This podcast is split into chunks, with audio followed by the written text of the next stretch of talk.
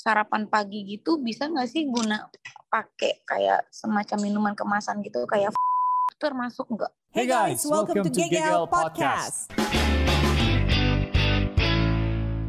Kak Nina dulu, Nina Nurwanti. Halo. Uh, aku mau tanya untuk sarapan pagi gitu bisa nggak sih guna pakai kayak semacam minuman kemasan gitu kayak termasuk nggak?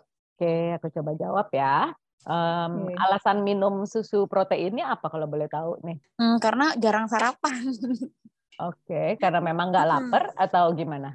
Nggak uh, lapar. Memang nggak lapar. Mm -mm. Oke, okay. um, sebelumnya sudah pernah coba makan dengan porsi GGL sambil masukin minuman ini, susu protein ini sudah pernah? Minum. Minum. Mm -mm.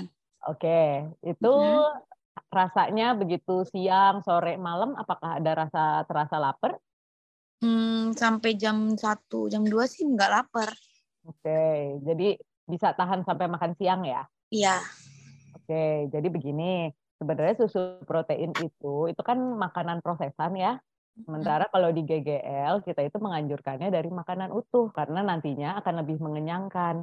Jadi kalau sekarang Kak Nina masih merasa kekenyangan, boleh saja kalau mau minum susu protein di pagi hari, tapi harus tahu ke belakangnya kalau nantinya misalnya kan Nina mulai merasa lapar itu mungkin bisa diganti susu proteinnya dengan makanan utuh karena susu protein itu sebenarnya tidak mengenyangkan karena dia bentuknya cair dan iya. apa pun yeah. yang cair seperti jus, shake, susu um, semua yang cair itu tidak akan mengenyangkan karena dia langsung lewat aja di lambung proses cernanya hanya sebentar beda oh. dengan gitu. kalau kanina misalnya makan paginya nasi telur dengan sayuran itu kan lambung pencernaan bekerja keras untuk mencerna. Jadi rasa kenyangnya itu akan bertahan lebih lama.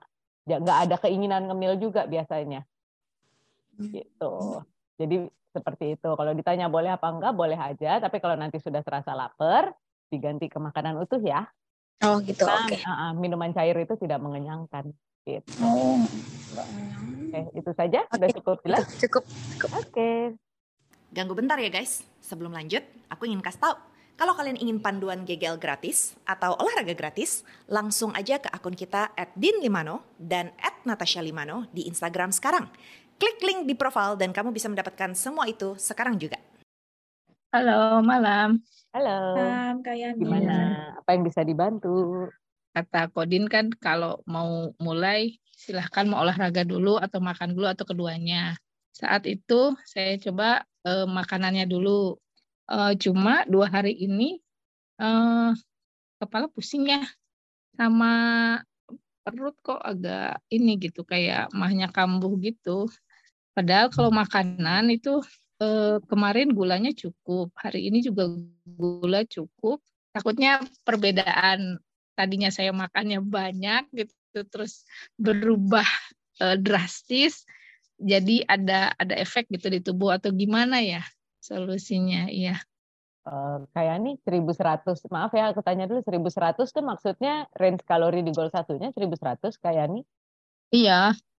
Iya itu memang targetnya. Kalau yang 1700 itu adalah angka kalori maintenance. Hmm. jadi kalau kalau Kak Yani malah makannya di 1700 bentuk badannya segini-segini aja, nggak nggak tambah ramping, juga nggak tambah gemuk. Kalau oh. makannya di atas 1.700-an, pelan-pelan akan menggemuk. Nah, yeah, untuk iya. defisit yeah. itu kan berarti kita harus mengurangi kalori di bawah kalori maintenance. Tapi juga oh, menguranginya nggak boleh berlebihan, karena itu minimal di range 1100 sampai 1250 ya, Kak Yani ya. Iya. Ya, berarti makannya di angka 1100, 1250, bukan di 1700 ya. Iya, udah biru sih. Kalau kemarin malah dua hari itu kurang. Hmm. Apa karena itu juga kali ya? Mas saya jadi kambuh apa gimana di bawah gitu. 1100 ya? Nah, bawah 1100. Bawah, ya, ya, di bawah 900 oh, gitu. Iya. Oh, itu udah malam, iya. saya udah ngantuk, udah enggak enggak konsen buat iya. makan gitu. Jadi Iya, uh, enggak makannya. Iya. kan kalau ya, dua hari itu. Mungkin kita berpikir kalau makannya makin sedikit, progres akan makin cepat kurus gitu ya, ya. karena cepat kurus kalau makanan sedikit. Padahal yang terjadi justru sebaliknya. Tubuhnya tetap menyimpan lemak, tapi jadinya ke kesehatannya terganggu. Biasanya tuh rambut rontok, terus kepala jadi sering migrain kepalanya. Mm -hmm. ya mungkin badannya lemes, nggak bertenaga ya. lemes, mageran. itu biasa efek-efek ya kuku juga bisa, kuku rambut yang rapuh. Itu biasa efek dari kurang nutrisi. Sebenarnya kurang, kurang nutrisi. nutrisi jadi makannya kalau kurang hmm. dari range yang dianjurkan gitu. Iya, kemarin dua hari itu kurang dari range karena masih bingung ya mau nambah nambah kan disuruh nambah lagi tuh udah malam aduh mau nambah apa ini udah iya akhirnya iya. baru hari ini tuh cuma udah udah terlanjur sakit perutnya gitu minumnya banyak nggak kayak nih Sehari minumnya belum berapa? bisa tiga liter ih baru dua liter apa oh iya terus mm -hmm. untuk sebelum join GGL sebelumnya kakak suka makan makanan manis nggak iya Hmm. Pas hari pertama itu kan gula saya uh, apa? Over over ya iya over gitu saya makan makan apel satu sama hmm. kurma hmm. tiga uh, jadi kalau untuk pusingnya kemungkinan ini karena kakak juga terlalu drastis nurunin ya.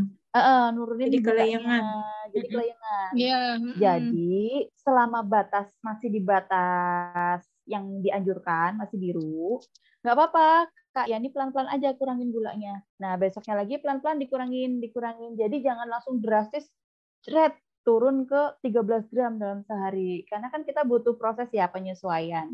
Jadi bertahap, nggak langsung drastis diturunin gitu supaya badan kakak juga menyesuaikan gitu. Oke. Okay. Gitu. Oke, okay, makasih. Iya, semangat, ya kak ya. Semangat. Makasih udah dengerin podcast Gegel hingga akhir. Jika butuh inspirasi olahraga yang bisa dijalankan di rumah, coba cek YouTube Dean and May ada banyak video menarik yang bisa bantu kamu olahraga dengan efektif dan tips jalani pola hidup sehat lainnya.